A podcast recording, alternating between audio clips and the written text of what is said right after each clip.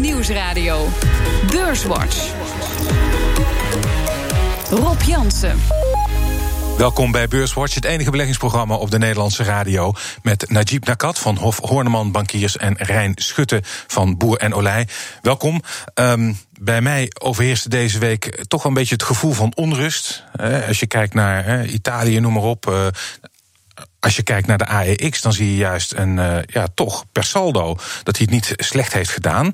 Um, waar is dat aan toe te schrijven, uh, Najib? Zijn dat de kwartaalcijfers? Of? Hoe zie je dat? Um, nou, wat je wel ziet bij de kwartaalcijfers is dat in principe de, de, de consumentenbedrijven, de consumer staples, het uh, eigenlijk wel goed doen. Maar dat aan de cyclische uh, kant, hè, bijvoorbeeld in de industrie, wel hier en daar wat negatieve verrassingen zijn geweest. Ook op het onvermogen om, uh, om kosten zeg maar, door te kunnen berekenen door de gestegen grondstoffenkosten. en die worden dan ook wel hard geraakt zeg maar, in de koers. Ja, uh, ja uh, Rijn, hoe zie jij dat? Uh, toch nog een herstel? Voor, moet ik zeggen, de week daarvoor is er wel 4,7% van afgegaan van die AX, geloof ik. Dus het is niet helemaal hersteld, maar ja, toch 1,7% erbij. Um, ja, ik denk dat dat voornamelijk door die zwaargewichten komt. Zo'n Unilever en olie, die gaven wel wat steun aan de index. En ja. ik denk dat niet zozeer de kwartaalcijfers waren, maar meer die onrust over die gebieden, wat jij net al zei. Het was de week waarin Unilever-concurrent Procter Gamble een verrassende stijging van de omzet liet zien. Financieel topman John Muller.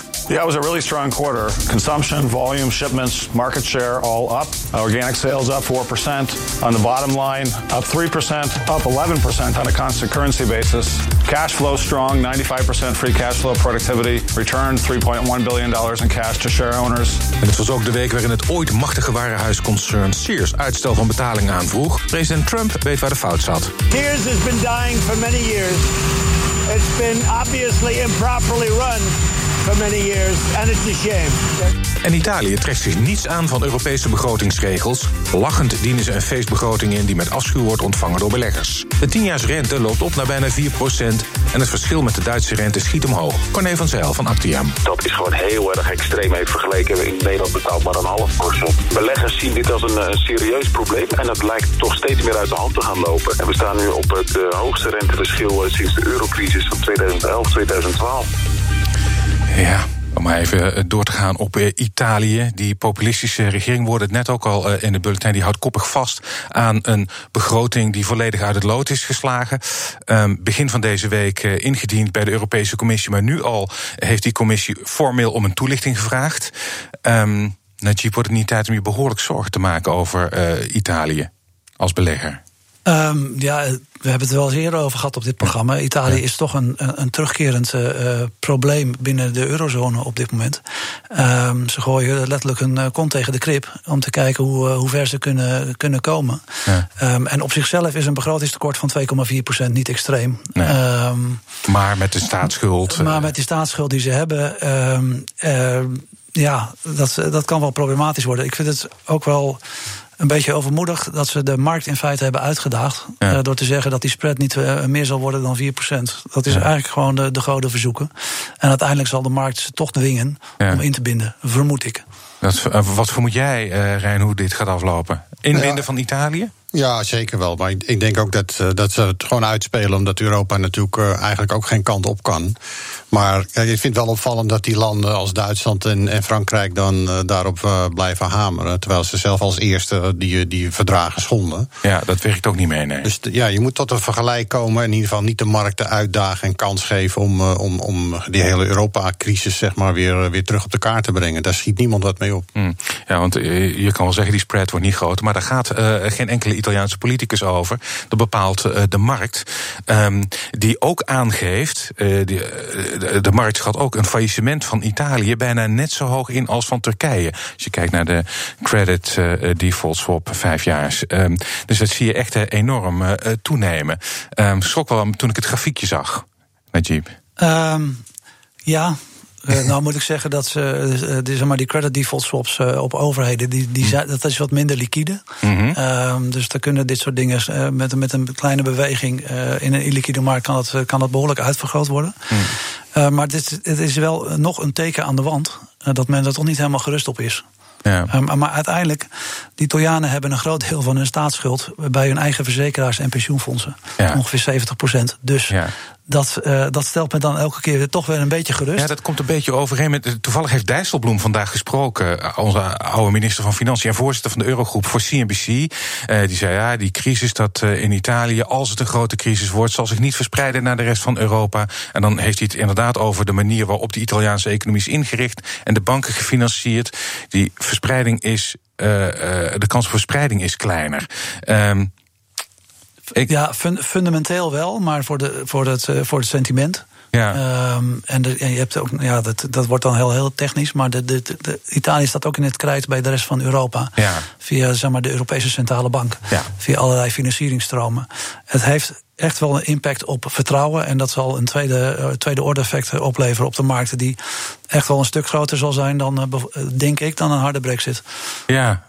Ja, Als het zover komt. Maar ik, ik, ik, ik denk nog steeds niet dat het zover komt. Ja, um, ja ik, ik hoop het ook niet. Maar ik heb, uh, als je nou kijkt naar. Bij dit soort woorden van, uh, uh, van Dijsselbloem moet ik ook een beetje denken aan Wouter Bos, die in 2 augustus of september 2008 zei: Prinsjesdag, de Nederlandse economie staat er robuust voor. En dat was toen al niet zo.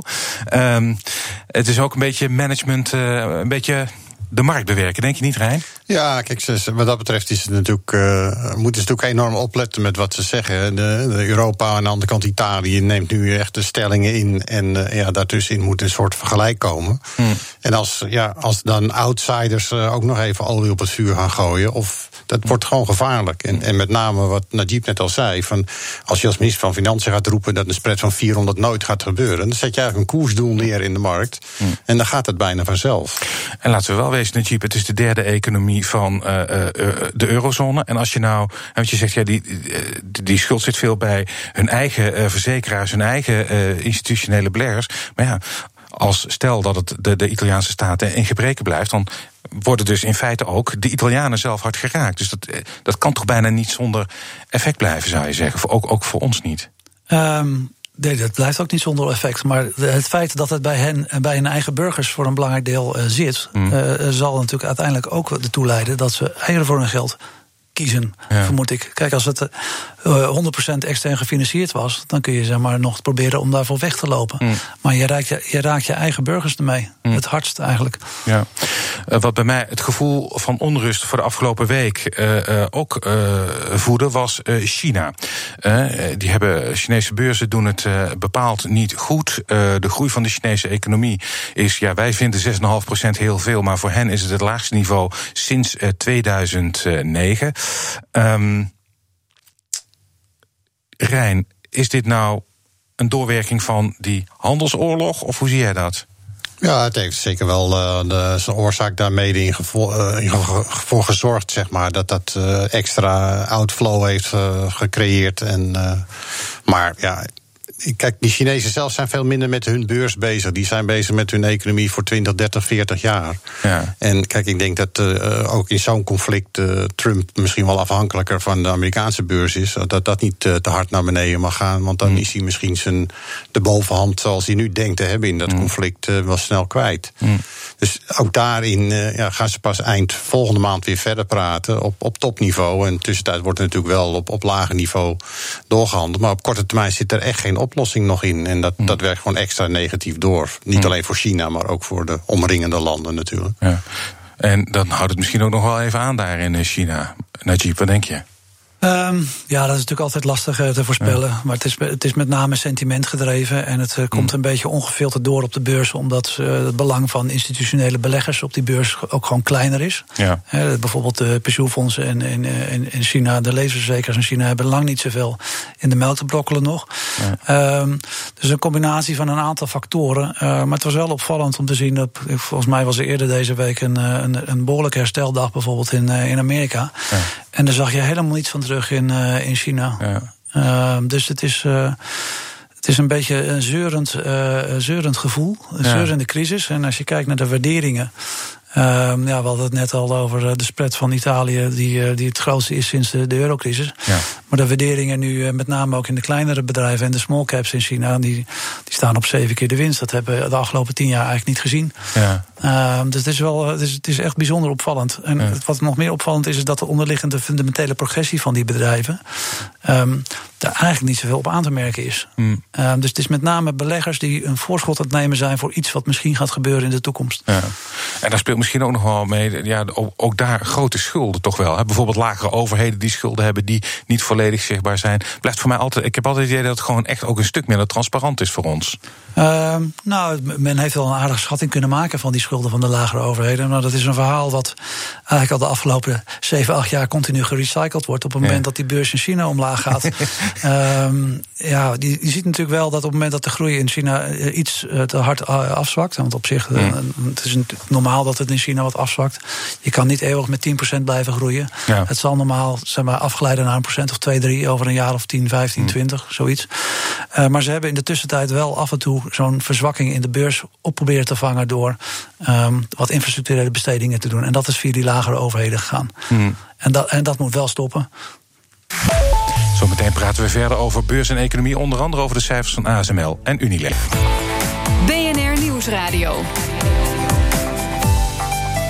BNR Beurswatch. We bespreken de belangrijkste beursontwikkelingen van deze week. Dat doe ik met Najib Nakat van Hof Horneman Bankiers en Rijn Schutte van Boer en Olij. Eerst maken we de balans op van de afgelopen week. De AEX die sloot op 525,2 punten. En dat is 1,7% hoger dan vorige week. Stijgers. De drie grootste op 1 Galapagos met een plus van 9,1 procent. Op 2 KPN met 7,9 procent. En op 3 staat Wolters Kluwer met een plus van 7 procent. En het midcap aandeel dat het best presteerde deze week was WDP, een Belgische logistieke dienstverlener met een plus van 7,8 procent. Dalers. De grootste dalers op 1. Alberts Industries, min 4,1 procent. Op 2 ArcelorMittal, 3,5 procent eraf afgelopen week. En op 3 ING met een min van 2,5 procent. En in de midcap was deze week de da- grootste daler TomTom, 4,5 procent eraf. De AX is deze week 4 van de 5 handelsdagen hoger gesloten. Ja, Tom Tom, om daar maar even eh, bij stil te staan. Ehm, ja, je verwacht eh, een betere omzet, werd gezegd. Eh, ze verwachten ook een hogere winst. Ben je toch de hekkensluiter in de midcap, eh, omdat ja, Tom, Volvo verruilt TomTom voor Android. Eerder haakte ook al Renault, Nissan en Mitsubishi af. Toyota haakt af. Ehm Rijn, is het einde oefening voor TomTom? Nou, wat mij betreft mogen ze echt wel van de beurs vertrekken. Want eh, ze maken er elke keer weer een, een, een hele show van door het positief te brengen. En dan staat er ergens een regeltje in zo'n persbericht waar eh, een half uur later iedereen dan over valt. Aan de andere kant gaan ze dat, dat telematics onderdeel eh, staat in de etalage. Als daar een, een goede opbrengst uitkomt, dan blijven ze met die kaart eh, zeg maar over. En dan denk ik dat ze het wel van de beurs kunnen halen. Want dan. Ik geloof dat de oprichters daar ook eh, mee bezig eh, zullen zijn. Want die, dit interesseert ze niet echt volgens mij, die beursnotering, eh, heb ik het idee. Hoe zie jij dat, Najib? Nou, ik vind dat een interessant idee, maar ehm, ja, dat zou best kunnen. Ik, eh, maar op het moment dat je telematics verkoopt en dan worden opbrengsten genoemd van rond een miljard. Ja. eh, ja, de, de hele marktwaarde van TomTom ligt rond de 1,4 miljard volgens mij. En ze hebben nog 200 miljoen cash ongeveer. Ja, eh, dan blijft eigenlijk die, alleen die, die kaartenbusiness over. En, ehm, en zeg maar die ontwikkeling voor eh, autonomous driving eh, met die HD-kaarten, ja, dat is best wel geldverslindend. En hoe verkoop je dat aan, aan, aan, aan, eh, externe aandeelhouders? Dat is natuurlijk, daar is een beursnotering dan misschien inderdaad onhandig. Hm. Ehm, we hebben ook een aantal grote spelers. Die zijn niet allemaal met volledige winstcijfers. va- Vaak ook alleen met omzetcijfers. Bijvoorbeeld Unilever. We hoorden aan het begin een opgetogen CFO van Procter Gamble. Een belangrijke concurrent van Unilever. Ehm, maar Unilever kreeg op de dag van publicatie van de cijfers de handen niet op elkaar. Er was een omzetdaling van 4,8 procent afgelopen kwartaal. Valutaire tegenwind. Ehm, onderliggend was er wel een groei van 3,8 eh, procent. Eh, Rijn, wat vond jij van die cijfers van Unilever? Nou, die verwachting, verwachting van die onderliggende eh, salesgroei die, die lag iets hoger. Dat was geloof ik 4,3. Dus daar kwamen ze wel weer iets onderuit. En dat merk je eigenlijk de laatste kwartalen... dat ze in die gebieden zoals die emerging markets en Azië... dat ze daar iets onder hun eigen consensus zeg maar, scoren. Maar uh, nou, die daling werd dan vandaag wel weer uh, eigenlijk uh, ongedaan gemaakt door dat gerucht dat die Nestlé-topvrouw wellicht in de race is om, om Polman op te gaan volgen. Ja. Dus ja, op zich niet, niet verkeerde cijfers, maar niet om nou echt over naar huis te schrijven direct. En Najib, mee eens? Mee eens, ja. Ja, 100%. Nou, ik zie nu, eh, kijk hier het staatje van de uh, stijgers afgelopen week. Dan houdt Unilever er nog wel een plus aan over van 3,9%. Dus uh, op weekbasis uh, ging het helemaal niet slecht. ASML, toeleverancier van de chipindustrie. Um, met natuurlijk een, een unieke marktpositie. Um, in 2020 willen ze een omzet halen van 11 miljard. Maar dan komen ze dit uh, jaar al uh, bijna uh, in de buurt. Ze hebben ook een flinke bruto marge. Um, Rijn, must have voor beleggers misschien, of niet? Ja, ondanks die, ja, die stevige waardering, uh, wat je terecht zegt, die, die unieke marktpositie uh, zorgt ervoor dat ze wat dat betreft uh, goed kunnen blijven presteren. Er was in de, in de sector de afgelopen weken veel reuring en veel dalingen gezien van echte chipproducenten. dus daar werd met spanning naar dit cijfer uitgekeken. En na die rapportages zag je toch wel wat herstel, een beetje een zucht van verlichting door de, de wat kleinere bedrijven daaromheen gaan. Van, mm. Het ziet er gewoon voorlopig gewoon goed uit. Dus, uh... hmm. um, het ziet er nog goed uit. Uh, ben je er ook positief over naar uh, Najib dat dat wel blijft groeien? Ja, het is in feite, ze hebben een unieke marktpositie. Ze zijn in feite een monopolist in een, in een seculiere groeimarkt. Dat is een fantastische marktpositie. Ja, dan kun je gaan discussiëren over waardering. Ja. Maar het is natuurlijk een fantastische marktpositie. Maar wat voor ons uh, heel interessant was, is dat ze eigenlijk gewoon geen, geen zwakte in de vraag uh, zagen. Ja, volgend jaar weer 30 van die nieuwe dure machines. Ja, dus het, ze gaven toch wel uh, de indruk dat die onderliggende markt nog wel gezond is. Ja. dat, dat was natuurlijk ook positief voor, voor andere bedrijven in die sector. Die ja. het toch best wel zwaar heeft gehad de laatste, laatste maanden. Ja. Ik ben benieuwd waar ze volgende maand hebben ze geloof ik een bijeenkomst van analisten. Dus dan zullen ze eigenlijk al die doelstellingen flink moeten opschroeven. Ik ben heel benieuwd wat dat uh, gaat worden.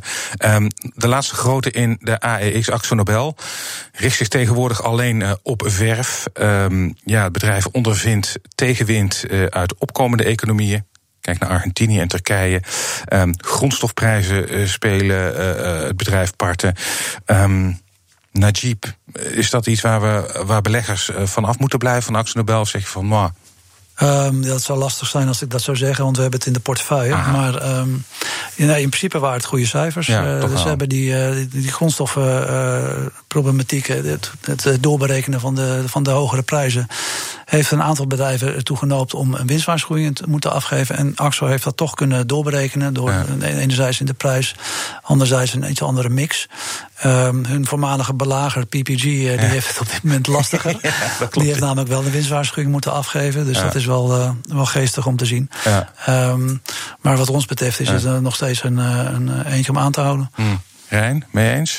Ja, ik denk het wel. Kijk, er wordt natuurlijk wel met belangstelling uitgekeken. Of ze, omdat ze PPG zo fel van zich afgehouden hebben. om ja. te kijken of ze dat inderdaad in de toekomst kunnen echt gaan waarmaken. Maar ja. ze, ze, dit zag er goed uit. Mm. Dat is ook een week waarin uh, veel uh, te doen is geweest om retail. Dat is ook een onderwerp wat hier vaak ter sprake komt met bedrijven in de problemen. Als we kijken naar Amerika, Sears bijvoorbeeld, heeft uitstel van betaling aangevraagd in feite. Um, je hebt hier C-Economy, Duits bedrijf, eigenaar van Mediamarkt. Ja, die weten consumenten ook niet meer aan zich te binden. Um, Najib, die retailsector, dat lijkt me.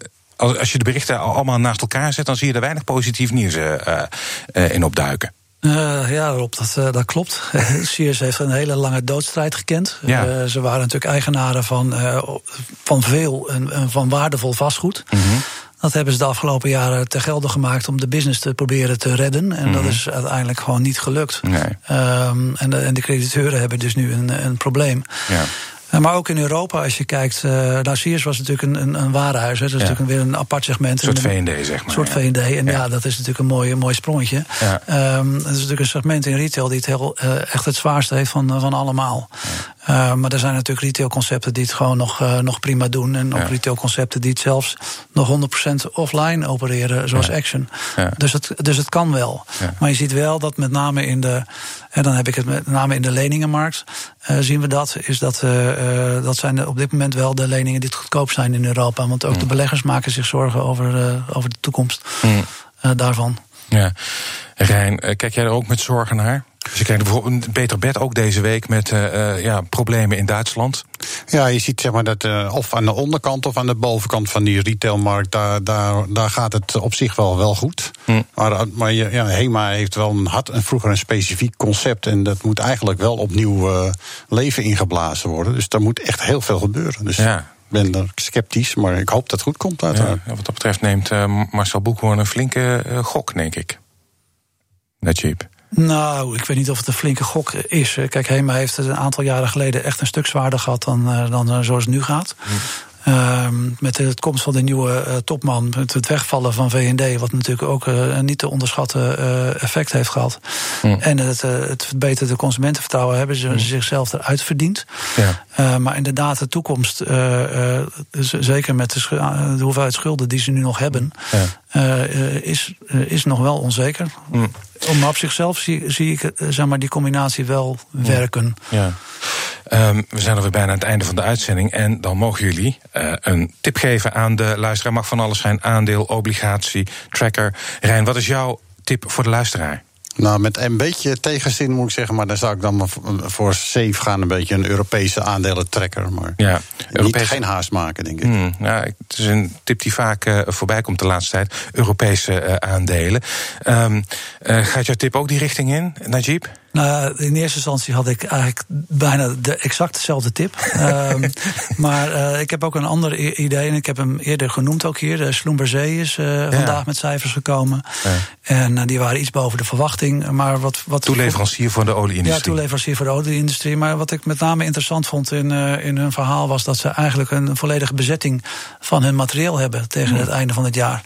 Um, dat betekent nog niet dat ze de, de, prijzen kunnen rekenen die ze vroeger rekenden. Maar dat is wel een eerste stap naar een verder herstel uh, van de markt. Mm. En het is, uh, als je kijkt naar de, zeg maar, de balanskracht van het bedrijf, heeft weinig schulden, mm. een, een, een, nummer één marktpositie, is dat er wel eentje om in de gaten te houden, wat ons betreft. Mm. Hartelijk dank, Najib Nakat van Hof Horneman Bankiers en Rijn Schutte van Boer en Olij. Dit was BNR Beurswatch. Terugluisteren kan via de site, de app en iTunes of Spotify. Graag tot volgende week.